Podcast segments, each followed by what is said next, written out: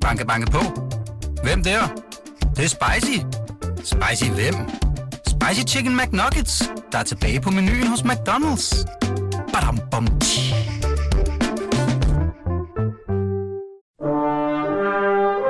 Du lytter til Radio 24 /7. Velkommen til Hitlers Æseløer med Jarl Kortua.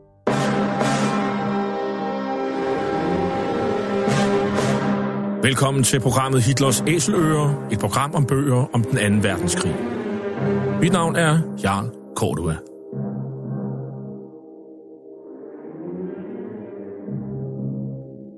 Den anden verdenskrig blev indledt den 1. september 1939 med det nazistiske Tysklands overfald på Polen.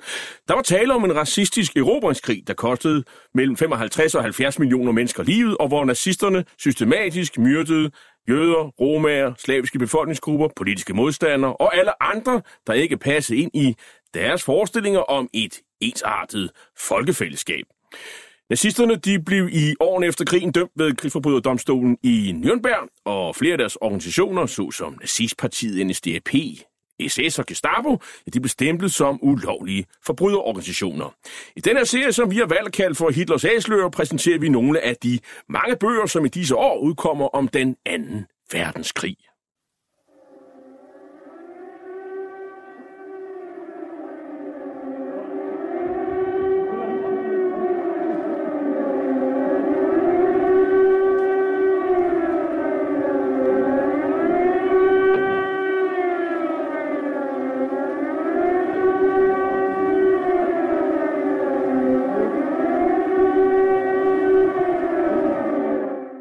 Klokken 21.51 torsdag den 13. februar 1945 lød luftsirenerne i den tyske by Dresden. Det var sket mange gange før under krigen, men øh, den her gang nummer 175 i rækken, ja, det indvarslede ødelæggelsen af Elbens Firenze, som byen blev og bliver kaldt.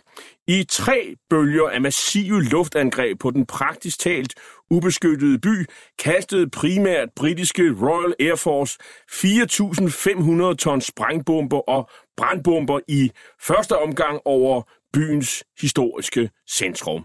Efter anden angrebsbølge et par timer senere blev der kastet endnu flere bomber. Ja, der brød en ildstorm løs, som blandt andet blev beskrevet af den amerikanske forfatter og krigsfange i Dresden på det her tidspunkt, Kurt Vonnegut i hans berømte roman Slagtehal 5. Omkring 25.000 indbyggere omkom ifølge officielle kilder ved angrebene og ved den efterfølgende ildstorm. Beslutningen om og nødvendigheden af at ødelægge denne ekstraordinære smukke tyske by, og især antallet af omkomne, har dog siden været stærkt omdiskuteret. For andre mere tvivlsomme kilder, ja, de angiver et langt højere tal end de officielle tal på ca. 25.000 dræbte. Her taler man om langt over 100.000 dødsoffer. Alt dette behandles i den britiske forfatter Frederick Taylors bog Tuesday 13th February 1945, der er udkommet på engelsk på forlaget Bloomsbury i 2004 og er derfor en af de nyeste bøger om emnet. Jeg skal nu byde velkommen til dig, Anders Bager Eriksen. Du er kant med i historie og guide og jo ejer af rejseselskabet Historiske Rejser. Du har besøgt Dresden et utal af gange i dit virke som rejseguide, og du kender byens historie ud og ind. Og du har skrevet om Dresdens ødelæggelse og har holdt foredrag om emnet, og er formentlig blandt de danskere, der har læst og ved allermest om dagens emne. Velkommen til, Anders. Tak. Anders, øh, allerførst, hvad, hvad synes du om uh, Frederick Taylors bog? Jeg øh, synes, den er informativ. Det er jo en tyk sag, 450 sider, og øh, man kommer egentlig godt igennem den velskrevet, øh, og så tager den et perspektiv, som jo både gør, hvad kan man sige, sagen forståelig fra det britiske og det allierede perspektiv, og jeg synes så også, at den kommer ind på en række af de skrækkelige skæbner, som det jo også var for Dresdens borgere, hvor man også får forståelse for, hvad der var, øh, hvordan de oplevede bombardementerne. Og øh, så kan man jo så sige, at øh, den vil nok også komme til at virke for nogle af dem, der læser den som ny viden, da den på mange måder lidt gør op med ideen om, at Dresden var et ubestridt offer. Dresden er Tysklands syvende største by på det her tidspunkt i 1945. Der bor ca. 640.000 øh, indbyggere. Øh, hvilken rolle spiller byen i sin egen selvforståelse? Med, kan du få sige noget om det? Altså, du nævner jo allerede øh, ordet Elbens Firenze, og øh, Elbens Firenze dækker jo over, at byen har, hvad kan man sige, udviklet sig fra at være sådan en, vi kalder det en lidt en frontier-stat mod slaverne. Den ligger i et område af Tyskland, Sachsen, hvor øh, slaverne historisk set for tusind år siden havde magten, men hvor tyske forposter koloniserer det område.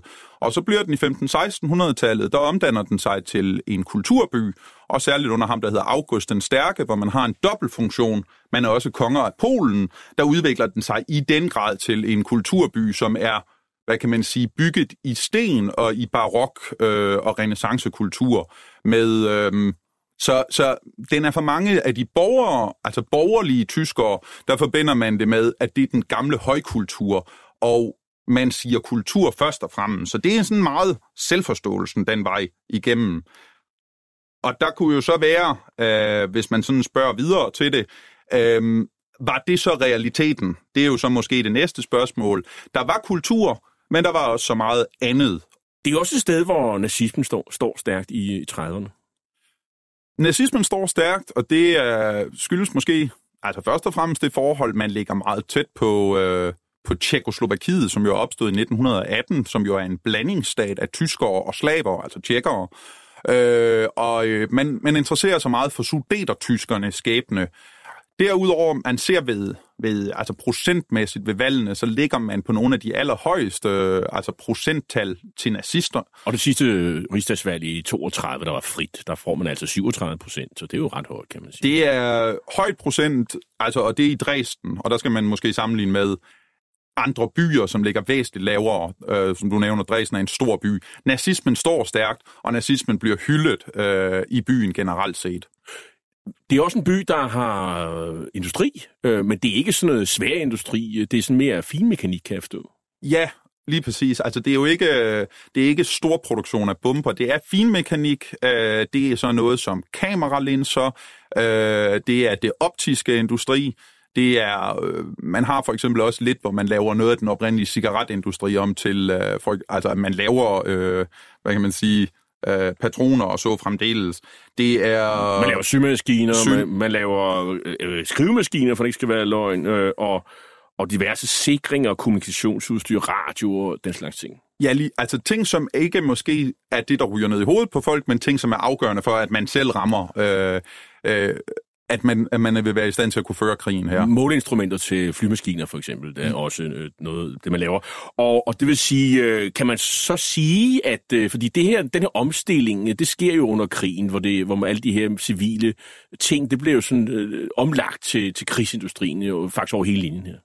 Ja, og der sker jo, altså, der, der var lidt i forvejen, øh, men der sker jo også i takt med, at krigen øh, udvikler sig. Man har på det her tidspunkt, jamen der er Tyskland jo også allerede blevet meget mindre, altså det tredje rige har jo tabt landområder, og Dresden ligger i, efter, begynder efterhånden at ligge egentlig i det mere centrale del, øh, og der er blevet overflyttet industri, som er gået tabt andre steder, også i Dresden. Så altså, der, er jo, der, der vil være en, øh, altså der, der, der er en tendens til, at på det her tidspunkt, jamen der øger man industrien øh, i Dresden. Og man har kemisk industri, og man har også, kan man sige, maskinindustri af, af, af militær betydning. Men det er ikke kampvogne, man producerer her. Det, men det er som at dele til, til, til kampvogne, for eksempel, kunne det være.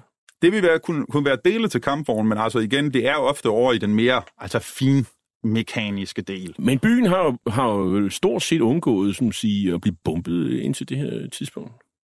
På det her tidspunkt er Dresden en ø i et Tyskland, øh, som jo generelt set har oplevet store bombardementer. Og, øh, men selve Dresden øh, bliver ramt, har to mindre træfninger, som der er blevet foretaget af byen øh, i oktober 1944, og så igen godt og vel en måned før, i januar 45, der, der flyver der mindre bombardementer over Dresden, men i stor målestok og har, er den ikke blevet ramt. Hvorfor mener Bomber Command i London at hos, og hos Royal Air Force, at det er nødvendigt at bombe Dresden nu? der er jo hele det her faktum, øh, vi, lad os få slået datoen på plads, altså 13. februar er det store, øh, det store angreb, som du også nævner i indledningen. På det her tidspunkt, jamen der er øh, man Øh, man har netop overstået Jalta-konferencen. Jalta-konferencen er jo, øh, hvor man kan sige, ligesom man skal have delt, man har delt Europa op, og man skal have rykket, man skal have afsluttet den krig her. Da, vi, vi ved jo nu, at der er tre måneder til den bliver afsluttet, men russerne er rykket frem og står på det her tidspunkt ved Breslau, som jo ligger, det nuværende Vroslav, som ligger små 100 km bort derfra, og kan ikke komme udenom den by. Og der har også været et krav fra russernes side tidligere i formuleret på anderledes måde, om at komme til undsætning, hvor man fra russisk side måske mener, at man lidt har siddet på sine hænder. Og det vigtigste, altså våben, som man fra allieret side havde for at komme russer, gøre noget over for russerne, det var øh, i luften. Altså, det var luftvåbnet. Men der er jo også, skal man sige, øh, Dresden er jo også et trafikknudepunkt for, for jernbaner. Det spiller vel også en rolle? I... Ja, ja Altså, det, det er alt afgørende i den her øh, henseende. Man kan sige, hvis man tager Dresdens beliggenhed, det ligger jo i øh, Sachsen, det ligger jo syd for Berlin, som mange af os danskere godt kender, men altså, der er jo forbindelser nordpå mod Berlin, der er østpå mod Breslau, øh, hvor kampene står. Det vil sige, at rigtig mange tropper skulle igennem Dresden. Hvis man så tager sydpå, så er det Prag, også et vigtigt punkt, endnu ikke indtaget. Og tager man vestpå, så er det Leipzig, og dermed altså Magdeburg og Hamburg, øh, sydpå mod Nürnberg, München. Altså det er meget afgørende for at forbinde det, der sker på det her tidspunkt i krigen, nemlig at givetvis forventede man, at der ville blive flyttet tropper fra den vestlige front hvor der godt nok er problemer, men, men hvor amerikanerne og britterne er ved at bryde igennem, og så over på den østlige front. Øh, og de skulle igennem Dresden. Men der er jo nogen, der, der, der stadigvæk hævder, at bumpning af Dresden, det var sådan en slags hævn, og, og, og at ødelæggelsen, det tjente intet formål. Øh, krigen var tabt for tyskerne, så, så der, der var ikke noget formål. Hvad, hvad vil du sige, og hvad, hvad mener Frederick Taylor? Altså, øh, lad os tage, hvad Frederick Taylor han mener, og det er jo nok lidt i samme genre, at jeg mener. Øh, var krigen overstået? Man kan jo så, hvis man spoler tre måneder frem, så kan man jo i hvert fald sige, at øh, der var massiv tab på alle sider øh, i den sidste fase af krigen, som jo i hvert fald siger, der var øh, krigen var på ingen måde afsluttet i februar 1945. Øh, en hævn er jo selvfølgelig noget, der, der omgiver personen Arthur Harris, som jo stod i, hvad kan man sige, altså ledte egentlig den, de britiske bombetogter øh, over Europa.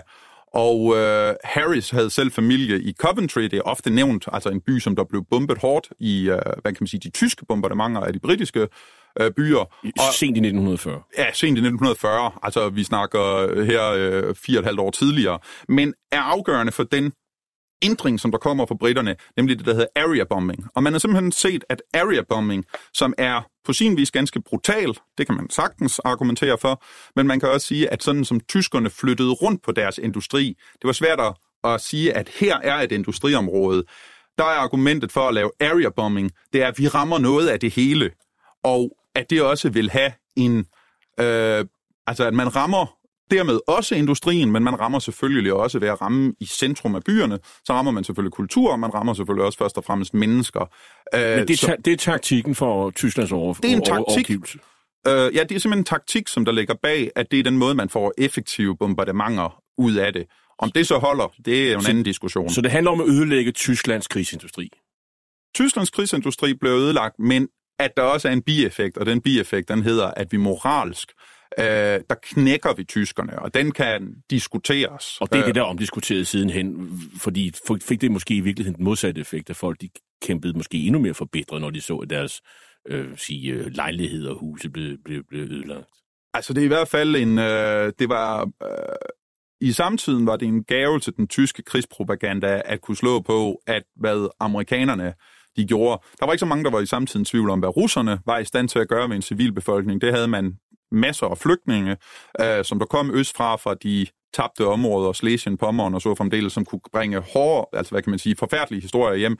Men det, man kunne bruge mod amerikanerne for at kæmpe indet mod amerikanerne og britterne, det var selvfølgelig hvad, øh, altså ødelæggelsen af de tyske byer. Der er i hvert fald 110 fabrikker med 50.000 arbejdere. Det, det tyder på, at her er faktisk et altså en industri, en militærindustri, og det vil sige, og det kan man dokumentere, så allerede her er, kan man afvise alle spekulationer om, at det her det er sådan set en turistby, man er ved at bombe nærmest, øh, som jo ligesom øh, i hvert fald øh, blandt, også blandt danskere den dag i dag, er der jo folk, der abonnerer på forestillingen om, at, øh, at, øh, at Dresden var sådan et, øh, et, et ikke-legitimt, øh, ikke særlig militært øh, mål. Men der var jo faktisk også øh, soldater i byen. Ja, der var soldater, og øh, det er jo måske en... Altså, når man kommer til Dresden, så er der et et ikke bumpet område, man kan tage ud til. Det hedder Albertstadt, og øh, det blev bygget i øh, slutningen af 1800-tallet, og øh, bygget sådan efter et preussisk koncept, men altså med plads til omkring 20.000 soldater. Så der, derudover var der tre mindre kaserneområder, og de folk, der blev sat ind her, altså der er jo også det, det, det yderligere militære argument, det var, at de kunne bringes og blev bragt til Breslaufronten, fronten og at de jo, øh, altså Ydermere, jamen, så kan man jo så sige, at på det her tidspunkt, så var der også udgået en ordre om at gøre Dresden til en fæstningsby, altså ligesom øh, Breslau var nu blevet. Og øh, den, altså det faktum, at russerne ville skulle få endnu en by, som kunne være rigtig, rigtig svær at kæmpe sig igennem, øh, den, øh, altså den, den ville jo også afskrække, og det vi også være et militært strategisk øh, argument for os at sige, at man kunne også bombe den af den grund. Hvis man så dertil lægger industrien, og jernbanerne, så, øh, så, så synes jeg, så vil jeg godt ikke godkende til at sige, at det er svært at argumentere for, at det ikke var militært opportunt at bombe Dresden. Så nu har vi i hvert fald argumenteret for, øh, sammen med Frederick Taylor og Bomber Command, hvorfor at øh, Dresden er et legitimt mål for øh, Royal Air Force. Og, øh, og selve operationen, øh, ja, hvordan foregår den? Jamen, hvis man skal tage selve operationen, så er det måske også vigtigt lige at være lidt på gadeniveau i første omgang. Vi er i februar, vi er på en kold, men klar dag i februar. Uh, vi er i Dresden lige nu, vi kan tage den sådan fra to forskellige perspektiver. Og uh, uh, det er fastelavns tirsdag, og fastelavns tirsdag er en dag, hvor børnene i byen, som jo ellers sådan har i optakten, man har bedt Dresdens borgere, bringe dem dog uden for byen, bringe dem i sikkerhed. Øh, men øh, de er blevet derinde, og der afholdes den her dag en dag i glæde, øh, en smuk dag efter en hård vinter. Hvis man så går tilbage til et andet perspektiv, altså pilotperspektivet, så er det, at øh, de har et base, Royal Air Force, i East Anglia, i øh, det britiske, og de tog afsted øh, godt og vel fem timer for inden, og fløj en form for zigzag øh, igennem øh, Tyskland, fordi det hele handlede jo om, at øh, der var nærmest daglige angreb ind på det tyske, og hver gang, at der kom en større øh, hvad kan man sige, eskadrille afsted, jamen så var der jo et spørgsmål fra, tysk, fra det tyske forsvars side, hvor går det nu hen? Og der øh, følger de så ind, jamen er det ruområdet, de vil? Nej, nu, nu flyver de, hvad kan man sige, en ny retning, nu er det nok øh, mønster, de vil øh, bombardere. Nå, nu går de øst på, nu er det måske Leipzig. Og først til allersidst, så begynder man egentlig at se, jamen det er nok Dresden, det drejer sig om det her. Så altså der er sådan en, en altså det er jo en del af første, øh, kan man sige, bølge. Så man laver en, man laver en finte, ja. et modangreb, altså, hvor man fingerer et angreb et andet sted, og de der natjæger, de tager noget tid for at komme op i luften, og de kan ikke holde sig særlig lang tid op i luften, så skal de ned igen og tanke op. Så det vil sige, at det er på den måde, man slipper sådan nogenlunde helskinnet, eller faktisk ret helskinnet igennem øh, det tyske øh, luftforsvar. Ja, og den er også, det der er vigtigt, det er faktisk, at, at øh, der er jo mange andre øh, angreb, man kan sidde og snakke om, men det der er, det, det går fantastisk. Man snyder tyskerne 100 procent. Det er en faktor, som jo, hvad kan man sige, var, var, der skulle være til stede. Alle bomberne kommer stort set frem og kan levere deres, øh, deres bomber i Dresden. Hvad håber Bomber Command at opnå ved at bombe Dresden? De håber på at opnå en ildstorm, og det er, fordi det er den, der har den mest kaotiske effekt.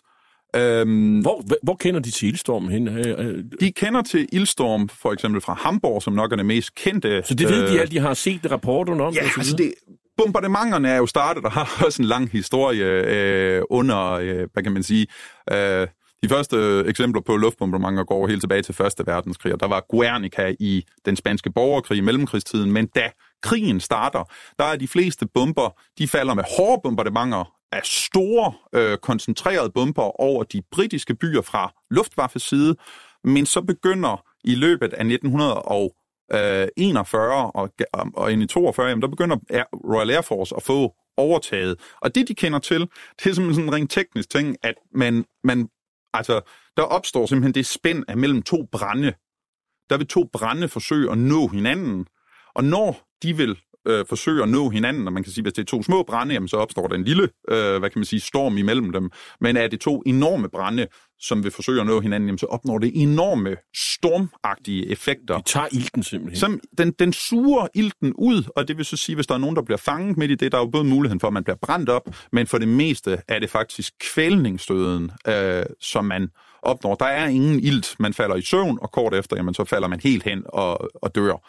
Øhm, så, så det er jo den, det, det er den effekt, man har set, og den har man set i Hamburg, som i juli 1943, øh, der rammer man en, hvad kan man sige, fra øh, altså et, et bombardement, som har en effekt med omkring øh, hvor en hel kvadratkilometer i det centrale del af Hamburg, i et boligkvarter, øh, jamen de, det, bliver, øh, det, det brænder simpelthen af, og alle dør faktisk inden for det område. Man antager, at tallet kan ligge lige omkring de 40.000.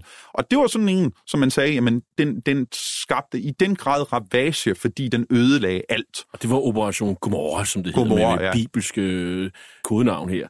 Byens forsvar er jo ledet af, af gavlejderen øh, siden 1925, Martin Mutzmann hedder han, og han er sådan, blev så sidenhen enevældig Reichsstadtholder i Sachsen, og det har han været siden 1933. Han er 66 år, falderet øh, klædefabrikant og tidlig og, og fanatisk nazist, og, og gode venner med Julius Streicher, en anden berygtet gavlejder og, og nazist over i, i, i Franken.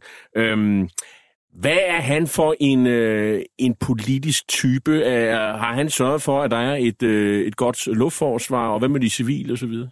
Til det er svaret selvfølgelig meget hurtigt. Det har han faktisk ikke. Og øh, det, det, det havde... Altså, og der er vi måske tilbage igen ved den mærkværdige rolle, som Dresden det spillede.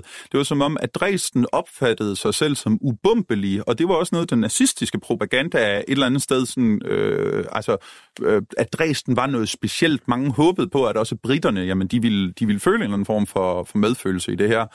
Øhm, så man regnede ikke med, at Dresden ville blive bombet. Det var sådan en, en, en, en øh, altså Taylor beskriver det jo hele tiden som sådan en, en form for ønsketænkning, som jo ikke har noget, altså den, havde jo ikke, den kunne ikke basere sig på noget. Man så så mange andre kulturbyer blev, byer blev ødelagt, men man opfattede Dresden som værende noget specielt. Og i forlængelse af det blev der så lavet et tilstrækkeligt antal øh, luftbes, altså, hvad kan man sige, luftbeskyttelsesbunker øh, på centrale steder. Der blev lavet noget, men slet ikke nok. Der var ved hovedbanegården, der var øh, om, øh, plads til omkring 2.000 mand, men altså, som du siger, 640.000 øh, beboere i Dresden. Der var Øh, man havde ideen om, at i, i Altstadt, som er det område, det går hårdest ud over inden ved alseværdighederne, seværdighederne, jamen der var det sådan en mening, at man skulle gå i kældrene. Øh, kældrene er en udfordring, fordi at dernede, jamen der, øh, der, øh, kan man sige, der er mange ting, der kan gå i brand. Der er jo også den effekt, at røgen, som jo er altså det, der forgiftede mange, jamen den kunne ikke komme ud, når man, øh, når man var de steder. Øhm, og det var også de officielle anbefalinger. Det var, bliv i kældrene, søg dækning dernede, øh, på trods af den her manglende beskyttelse, hvor man måske er beskyttet lidt fra ilden, men ikke fra røgen. Hvad så med de her østflygtninge, der kommer over fra de her øh, fra Slesien, altså flygtninge? Der, er, der, er der mange øh, øh, flygtninge i byen? Fordi det er, jo, det er jo en del af, hvad skal man sige, modfortællingen, som siger, at der er døde endnu flere, end der boede der, fordi at, øh, der var alle de her flygtninge, som boede overalt. Og dem har man ikke kunne redegøre for. Uh, med hensyn til det, så er det, altså du kan ikke argumentere for, at der ikke var flygtninge. Det der måske er, det er, at, uh, altså, og der var mange, og Dresden var jo et, uh, altså der var jo både flygtninge også fra de byer i den vestlige del af Tyskland, som var blevet bombet. Særligt var der altså for eksempel byer som Køln, Bremen og så videre, der refereres til mange forskellige skæbner. Fra Hamburg, blandt andet. Hamburg også, ja. Øh, som jo havde oplevet, altså ildstorm nu under Hamburg. Men så var der rigtig mange af de her store altså hvad kan man sige, næsten hårder af flygtninge, som der kom ind.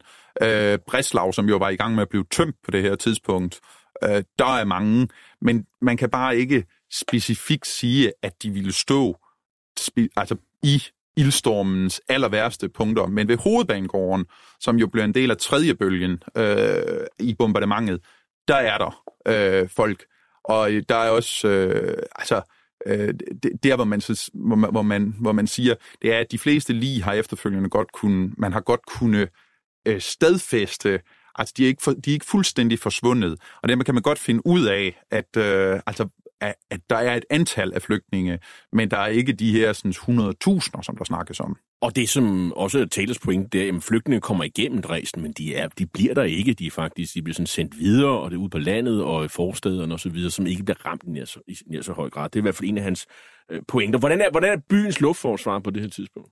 Byens luftforsvar er øh, ja, næsten ikke eksisterende, må man sige. Og det var i hvert fald ikke eksisterende den 13. februar. Øh, der, er omkring, jo, der er jo en lufthavn lige i nærheden. Der er Klotsjøs, hvor der også er en, øh, hvad kan man sige, Luftwaffe har en skole deroppe, men der er, de fleste er engageret andre steder og blevet flyttet til andre steder på fronten. Så der er nogle ganske enkelte fly, der går i luften i forbindelse med det første øh, angreb, men de er ude af stand til at kunne gøre noget mod den her hårde af mange hundrede fly, som der kommer ind fra, øh, fra britisk side. Hvad med de her øh, flak, de her 88 mm, man bruger til at skyde flymaskiner ned med? Hvor er de hen? De er desværre blevet nedprioriteret, og øh, det er jo en hvad kan man sige, en mangelsituation på det her tidspunkt ved fronten, så du er ikke i stand til, altså de blev flyttet til andre steder på fronten. Ja, de flyttet til Breslau-fronten.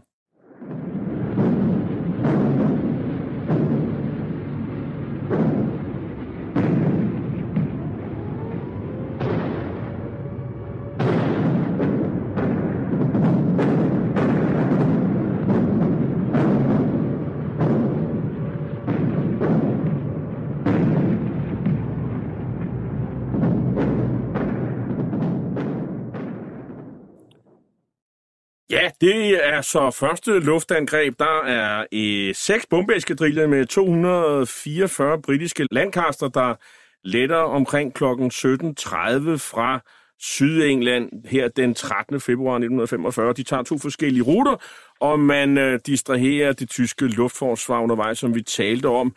Og, og så er man jo enormt heldig, fordi øh, over Dresden, der er der skyfrit. Jamen, hvis man egentlig tager lidt op øh, det tidligere, man var heldig, da man kommer igennem, øh, altså igennem det tyske med al sin zigzag-flyvning, og man er heldig i form af, at der er de perfekte betingelser for et bombardement. Der er skyfrit, som du siger, og dermed der betyder det, at man kan nærmest se direkte ned på målene.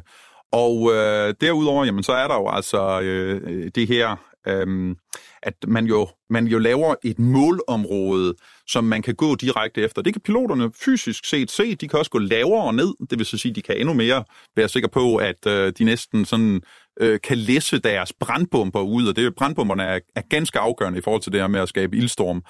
Og øh, området er et fodboldstadion liggende op og ned af Alstad. Og den er nem at se. Den er nem at se, ja. Og der smider man jo noget markering. Ja, det er... Øh, Altså de første beskrivelser, som han øh, taler, han også øh, beskriver rigtig godt, de beskriver det jo næsten smukt som den første fase. Jamen det er jo øh, et fyrværkeri af den anden verden, og så kommer der de her røde juletræslignende ting ned, som er med til at skabe målområdet. Så det er rødt, og øh, det gør, at øh, man, man, man kan udføre det perfekt. Og det, man skal forestille sig, det er, at man har et, et rødt mål, og så skal man så bare bombe i en vifte, og der har man lidt forskellige øh, gradsantal. Man flytter lige kursen lidt, og lidt afhængig af, hvor man ligger i den her øh, 100 km eller 150 km lange øh, strøm af, af, af flyvemaskiner. Og så, øh, og så smider man så, så, så, så, så, så flyver man ind i lav højde, og så smider man sine bomber og tager afsted. Og det vil sige, det er ligesom en, en, en firkant, man rammer i, i virkeligheden, der ligger sådan nordøst for det der øh, fodboldstadion. Men hvorfor er det, at man går direkte efter Altstadt, altså den gamle historiske by. Hvad, hvad, hvad er ideen med det, og hvorfor rammer man ikke noget mere industri? Altså, du havde havnen. Den lå op og ned af Altstadt. Og øh, det område, hvor du jo så går efter bombardementerne, der lå den i. Og øh, man havde også forskellige banegårde, som lå sådan forskudt i de områder, blandt andet, hvor der også er en, der går ud over havnen, og banegården er for eksempel, det ved, ved de senere, altså de angreb, der kommer lige efter, afgørende men også det faktum, at man jo fra allieret side ikke helt stolede på, hvor lå øh, den mineindustri, og man sagde, der kan sagtens gemme sig en masse industri i centrum, i Alstad, og øh, det skulle ikke være argumentet for ikke også at bombe det. Man smider altså i første omgang 900 tons brandbomber og luftminer efter de her røde markeringer, og, øh, og de rammer altså fra klokken 22.13 til 22.28 øh, område omkring den historiske midte, hvor tre fjerdedele af, af byen bryder i brand. sondern ich wollte zur Wolga kommen. An einer bestimmten Stelle, an einer bestimmten Stadt. Zufälligerweise trägt sie den Namen von Stalin selber, aber denken Sie nur nicht, dass ich deswegen. Du lytter til Hitlers Æseløer på Radio 24 Et program om bøger om 2. verdenskrig med Jarl Korva. Und wissen Sie, wir sind bescheiden. Wir haben ihn nämlich. Es sind nur ein paar ganz kleine Plätzchen noch da. Nun sagen die anderen, warum kämpfen Sie da nicht? Weil ich kein zweites Verdun machen will, sondern weil ich das lieber mit ganz kleinen Stoßdrucks mache. Die Zeit spielt dabei keine Rolle. Es kommt kein Schiff mehr die Wolga hoch. Das ist das Entscheidende. Og i dag der taler vi om bogen Dresden Tuesday, tirsdag den 13. february 1945, der er udkommet på forlaget Bloomsbury. Fred Taylor, han er øh, britisk forfatter og, og, øh, og historiker, og vi taler om bogen med Anders Berg Eriksen, der er kendt med historie og guide for rejseselskabet Historiske Rejser. Og øh, Anders, nu kommer vi frem til andet luftangreb, som finder sted klokken 1.23 og, og varer frem til 154, og der er der altså 529 øh, britiske Lancaster, der smider 1500 tons dagbrandbomber over området syd for den historiske midte. Målene de er oplyst øh, fra brændende i, i, i bymidten. Her er det meget nemmere for flyvemaskinerne faktisk at, at finde målet, for de kan simpelthen bare sætte kurs efter der, hvor der er et flamskær. Altså, det er faktisk det andet angreb, som jo virkelig er det altafgørende på, hvilken øh, rolle at Dresden den har, den har indtaget, øh, også øh, både når man snakker bombardementer, men altså også i eftertiden. Fordi at hvis man tager ligesom fra det første, det var grusomt, det var forfærdeligt, der var mange døde, der var også en stor kulturel ødelæggelse og så fremdeles. Men der, det ville nok ikke have været øh, meget anderledes end mange andre angreb, hvis ikke man havde haft det. Der er ikke, hvad kan man sige, en gigantisk ildstorm endnu, men der sker jo det, at øh, da anden bølge den kommer ind, jamen så kan de så se, at det røde markeringsområde, som øh, jo i første omgang var ment som det første angreb, de har simpelthen gjort arbejdet så øh, perfekt ud fra, øh, hvad kan man sige, fra piloternes side, at det ikke længere giver mening udelukkende at øh, lade bomberne falde i øh, det oprindelige målområde, så man lader det egentlig, man vælger og øh, men der er lidt kommunikation, som han taler, han, øh, han, han beskriver meget sådan, her skete det. Øh, men altså, hvor, hvor den her øh, kommunikation skal, skal ikke, øh, skal vi gå efter øh, bare at, og give mere brand til, hvor der allerede er brand, eller ligge nærmest sådan bræmme rundt om byen, hvor alle de, hvad kan man sige, kvarter, der, der grænser op til Alstad, og der tager man altså beslutningen, vi bomber alligevel, og som du jo siger, jamen altså enorme mængder, hvad man også har med af sprængstoffer og brandbomber her til den anden del.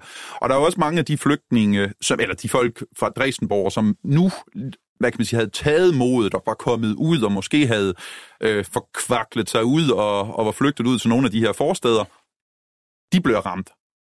Og det er her, der virkelig opstår de gigantiske ildstorme. Og det er også her, at øh, skal man sige, civilbefolkningen har en opfattelse af, at de bliver sådan forfulgt. Altså, de er lige undsluppet den første øh, øh bombeangreb, og så kommer det andet angreb, og der kommer også tredje angreb, som måske nogle af dem også oplever. Så det, men, men, men her er det, altså, det, det, det andet angreb er så, så forfærdeligt, og man har dårligt nok sat sig ned, og så kommer øh, øh, øh britterne igen. Brandslukningsberedskabet, det bryder jo også sammen, fordi de har ellers været, de har været i gang med at slukke de første brænde, men det kan de opgive nu. Altså, der, der er stadigvæk ting, der fungerer i forlængelse af det første angreb, men altså det andet angreb er så altomfattende, og det er så store, øh, det er så store dele af den centrale nerve i byen, som der sættes ud af spil. Øh, man rammer, øh, man rammer brandstationer, man rammer forskellige altså øh, kerneområder, øh, som som skulle være del af det her arbejde. Og man må også opgive i forhold til, øh, til at operere inden for ildstormen. Det var, det var, det var nærmest ikke muligt. Og det er jo en verden, hvor civile og, og, og soldater, de skal prøve at overleve. Altså, det er et sted, hvor, hvor man ser glas, der smelter, og asfalt, der koger, øh, og der falder hele tiden øh, brændende materiale ned over gaderne, og, og, og har man ikke nogen, skal man sige, ret gode støvler på, så, så, så er man jo chanceløs for at overleve her, øh, fordi det brænder jo overalt, og, øh, og det er jo nogle varmegrader, man slet ikke kan forestille sig. Øh, Og, og så skal man jo også forsøge at trække vejret i den her luft, øh, og det kan man så forsøge at gøre med gennemvæde øh, lomtørklæder. Altså, øh, hvis vi går tilbage til Taylors bog, så har han også, øh, han bruger mange, mange sider. Jeg synes også, det er en af hans stærke, øh, de stærke ting ved bogen, det er, at han netop bruger mange sider. Det kan jo godt være, på den ene side vil han lidt aflive noget af det, der er omkring Dresden, men han gør altså meget ud af at fortælle om de faktiske lidelser, som var for folk. Og øh, det er netop en verden af et inferno, som de oplever dem. Det kan der ikke være her så meget tvivl om, når man, når man læser omkring det. Og det er også det, hvor man skal høre på, på de overlevende fortælle om, der så jeg min mor den sidste gang, der oplevede min søster, der forsvandt. Altså, de der familieskæbner, det, det er jo hjertskærende at, at, at læse om. Som ja. møder, møder hvor, hvor børnene forsvinder osv. Og de umulige valg, og som du selv nævner, jamen der er dem, der har taget den...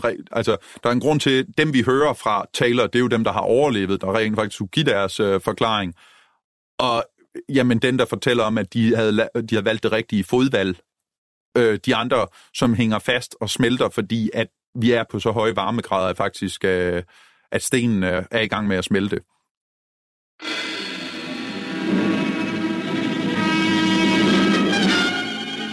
RAF heavy bombers assist Marshal Konyev's drive into the Reich. The target is Dresden. It was being used to pump German troops into counterattacks against the Russian army not many miles to the east. This strike put a stop to that. The night sky is pitted with aircraft, varicolored target markers, and the newest German ack device, a scarecrow designed to burst and look like a plane exploding after a direct hit. Static electrical discharge caused by intense cold mars these magnificent bombing shots.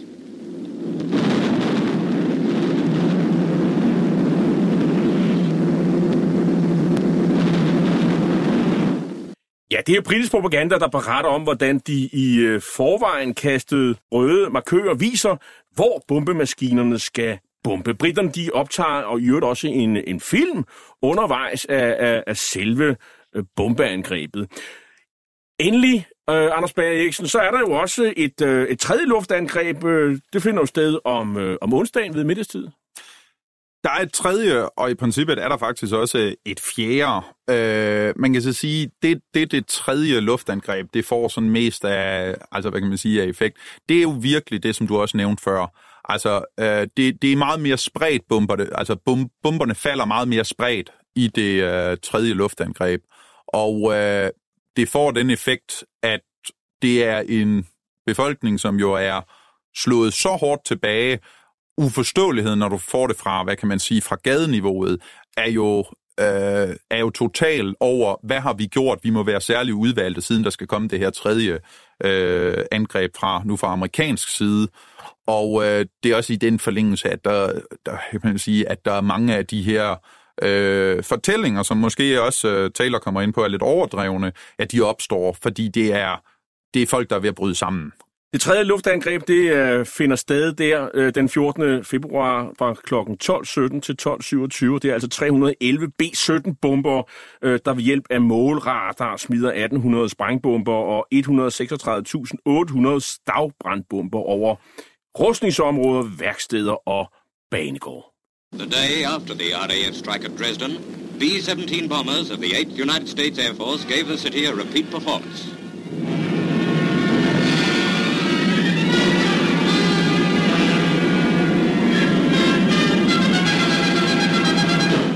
After these attacks, the German Overseas News Agency said, This city, hitherto almost untouched, has been carpeted by heavy and super heavy high explosives and incendiaries.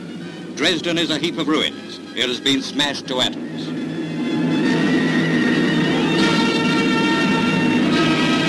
Before these attacks, Dresden was planned as a substitute capital in place of Berlin. After this, Hitler will have to look for a substitute for the substitute. Ja, det er britisk propaganda om det amerikanske luftangreb dagen efter om onsdagen. Tyskerne mener, at der jo intet er sket, og så har vi så den britiske speaker her, der triumferer øh, over, at byen er en heap of ruins, en ruindynke, og man øh, håner Hitler, at han nu må finde sig et alternativ øh, rigshovedstad, i hvert fald når, når Berlin falder, så nu skal man ud efter hente, hente et alternativ til alternativet.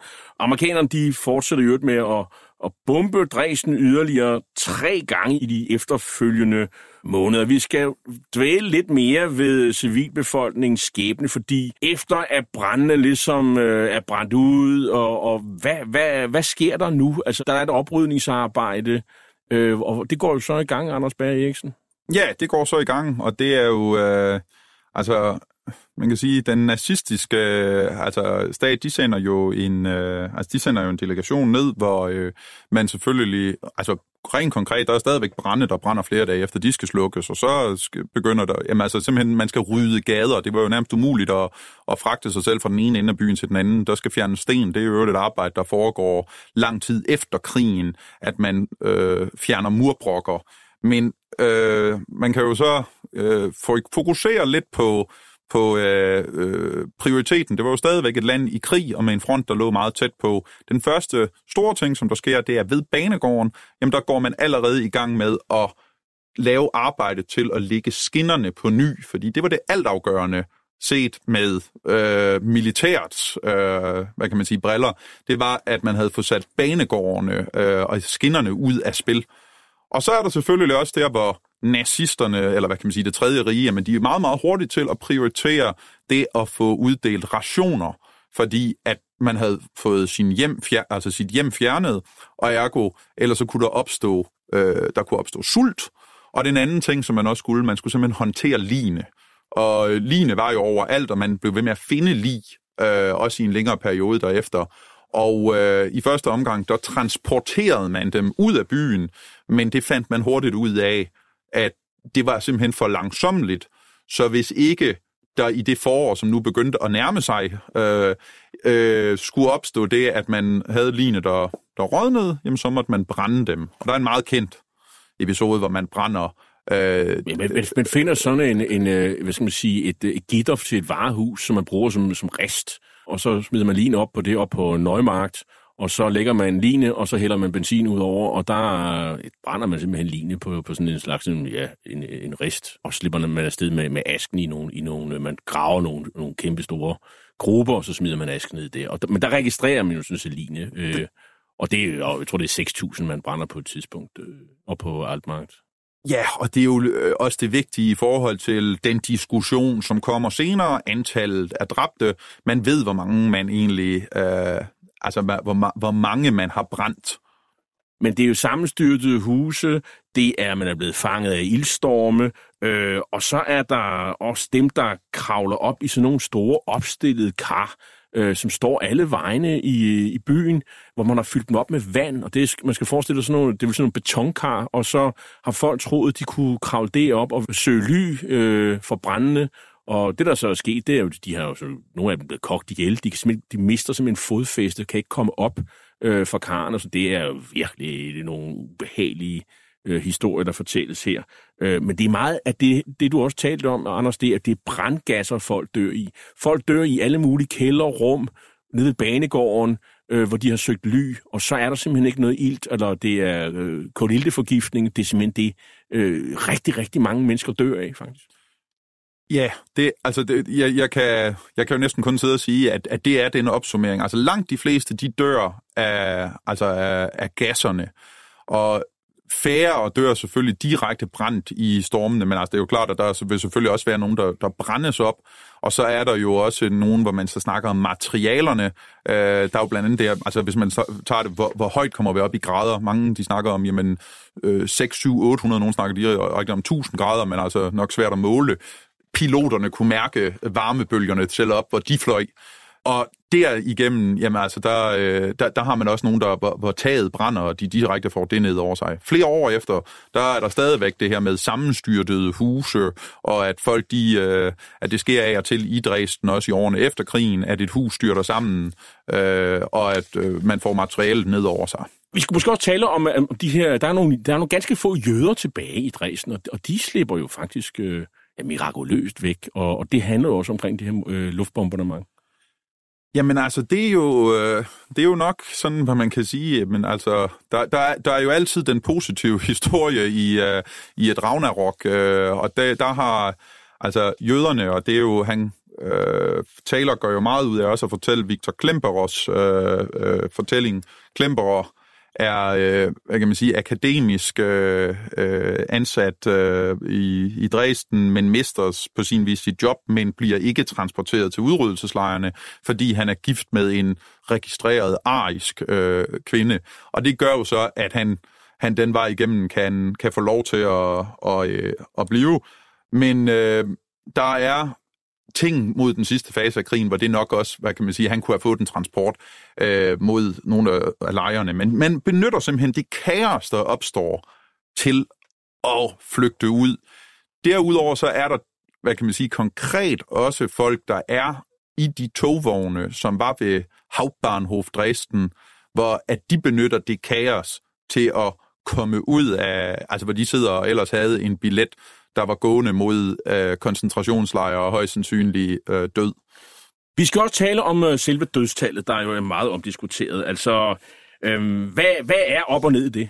Jamen altså op og ned er, at øh, der, øh, der er jo en propaganda, der egentlig går i gang meget, meget hurtigt. Nu nævnte du før, at indledningsvis så var det tys-tys fra den nazistiske propaganda, og at britterne de pustede sig op og var stolte.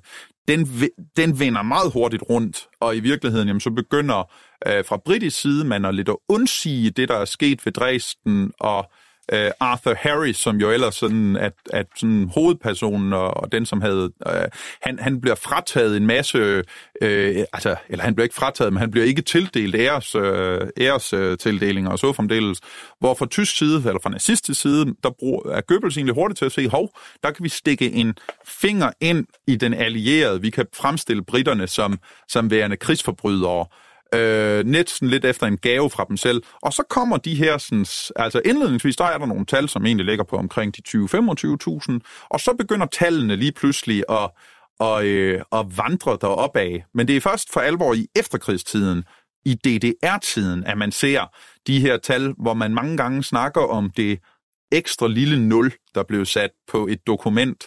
Og, Men det sker jo allerede, i, ifølge i Frederik Taylor, allerede i marts 1945, så er, det, så er der allerede kommet et ekstra nul på. Ja, der så det vil sige, man går fra 25.000 til 250.000. Ja, fra 25.000 til 250.000. Og, der er, øh, og, og det er jo et, et tal, som man Altså, som, øh, jamen, altså, der er forskellige folk, der skriver i efterkrigstiden om det her. Blandt andet skriver David Irving. Øh, som er en meget kontroversiel, øh, højorienteret britisk historiker, der har der skriver om det her 1963 i en, i, en, i en bog. Han skriver i en meget ung udgave, hvor man endnu ikke kender ham som så kontroversiel, men altså, øh, der er øh, tendens til at fordreje tingene også i, i den måde. Det, der er det svære ved, tal, eller ved, ved uh, Irvings bog, det er, at noget er gedint historisk, og noget andet er noget rent fordrejet. Men, men han kommer omkring det her øh, med det ekstra nul. Og han har stået sådan forholdsvis uanfægtet øh, og har været henvist til af rigtig, rigtig mange. Så, øhm, så altså på den måde er, øhm, er kan man så sige, at de 250.000 er blevet brugt igen og igen og igen, fordi det i nogle af de allerførste øh, beskrivelser har været henvist til de 250.000. Men Frederik Taylor, han gennemgår jo faktisk hele den historie som en, et, et kapitel i sig selv. Øh, det handler om øh, engelske parlamentsmedlemmer, som kritiserer det her meget tidligt, øh, øh og der er øh, øh journalister, som øh, åbenbart misforstår tallene, stiller spørgsmålstegn, var det virkelig nødvendigt med Dresden? Det er en, meget, en debat, der starter meget tidligt, og den har jo egentlig holdt sig til i dag, fordi der er jo også, skal man sige, øh, tyske højre radikal. I Tyskland er der vel stadigvæk folk, der mener, at øh, bombningen af Dresden var en krigsforbrydelse. Øh, Harris, Bomber Harris, han var en krigsforbryder osv. Det lever jo stadigvæk i dag. Det lever i yderste velgående, man kan jo, altså det er jo, det er jo en, altså det er jo, det er lidt det der med, at Dresden har været, ligesom haft status af, hvor der har været så mange andre lidelser, tyskerne måtte gennemgå. Det har man ikke omtalt i særlig store henseende, men Dresden har det ligesom været legitimt, fordi britterne allerede startede selv med at kritisere det, og at det så blev taget op, men hvor man meget har lagt sig i den her, hvor man kan ligesom sige, der går et lige øh, linje fra Goebbels propaganda, som bliver taget forholdsvis ukritisk op, og politisk fordrejet i den øh, DDR-propagandaen, og der så egentlig ikke har været et særligt stort modsvar heller fra, hvad kan man sige, sådan en vestlig side under den kolde krig i forhold til, øh, til, øh, til de tal og til det forfærdelige og så videre. Dresden forbliver et øh, stort sår, og mange overlevende bliver traumatiseret af, blandt andet fordi de har oplevet indspæring i sammenstyrtet kælder, og kampen for at overleve de, de frygtelige timer. Her for eksempel en tysk kvindelig overlevende, der er ved 50 år for bumpningen, ja, hun forsøger at sætte nogle ord på sine følelser. Og wir sind immer hier zum 13. Februar gewesen und wollten nur heute erst recht hier sein. Ne? Ist das wichtig? Ja, das kann man nie vergessen. Man kann das nicht vergessen, wer das mitgesehen hat und miterlebt hat und den Nächsten da auch erlebt hat. Das ist so furchtbar. Das kann man nie vergessen. Ja, kvinden hun siger, hun var i Dresden og oplevede bumpningen og tiden derefter, og sådan noget kan man aldrig glemme, gentager hun her, før hun bryder sammen.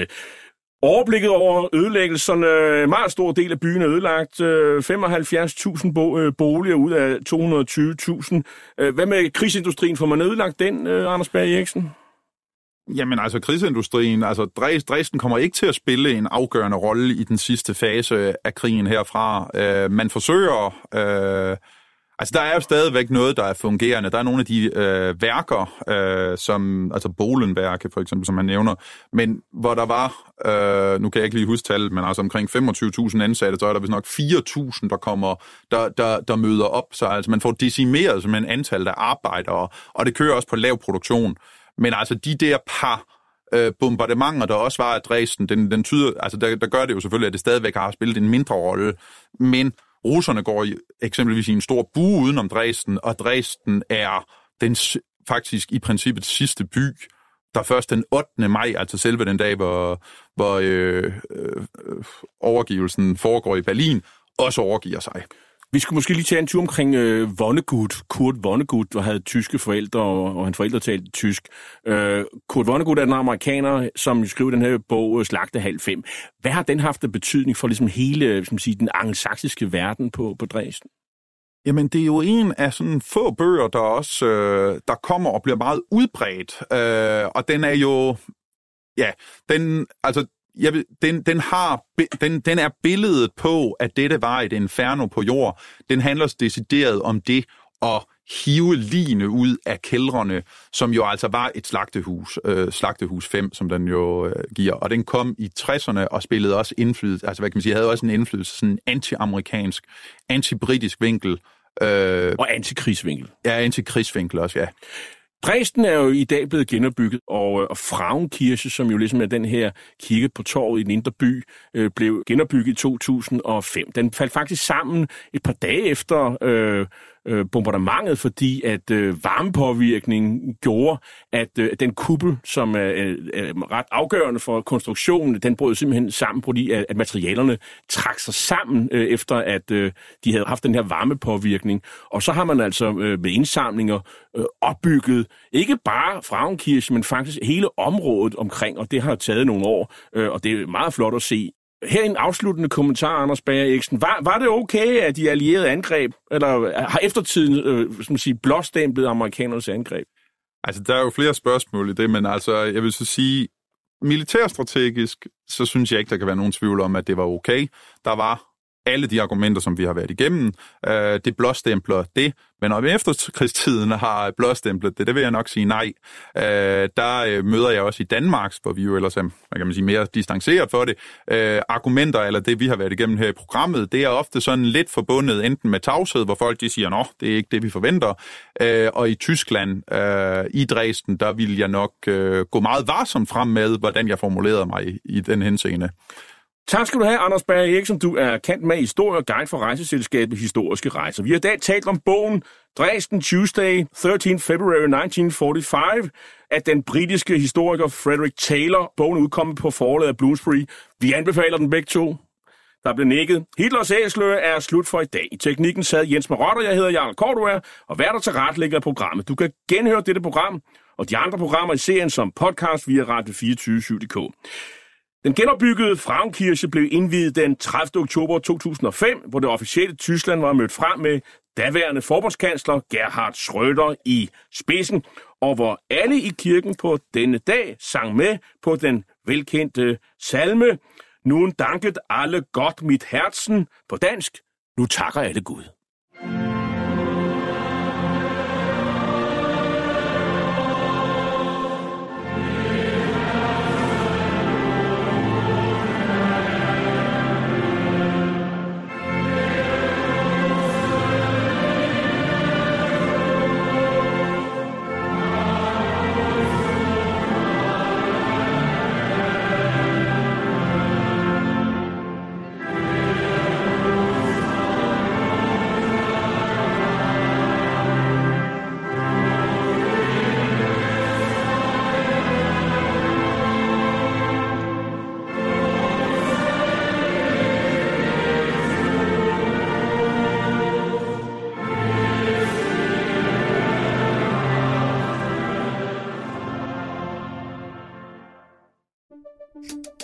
banke på.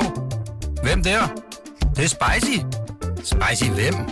Spicy Chicken McNuggets, der er tilbage på menuen hos McDonald's. Badum, bom, tji.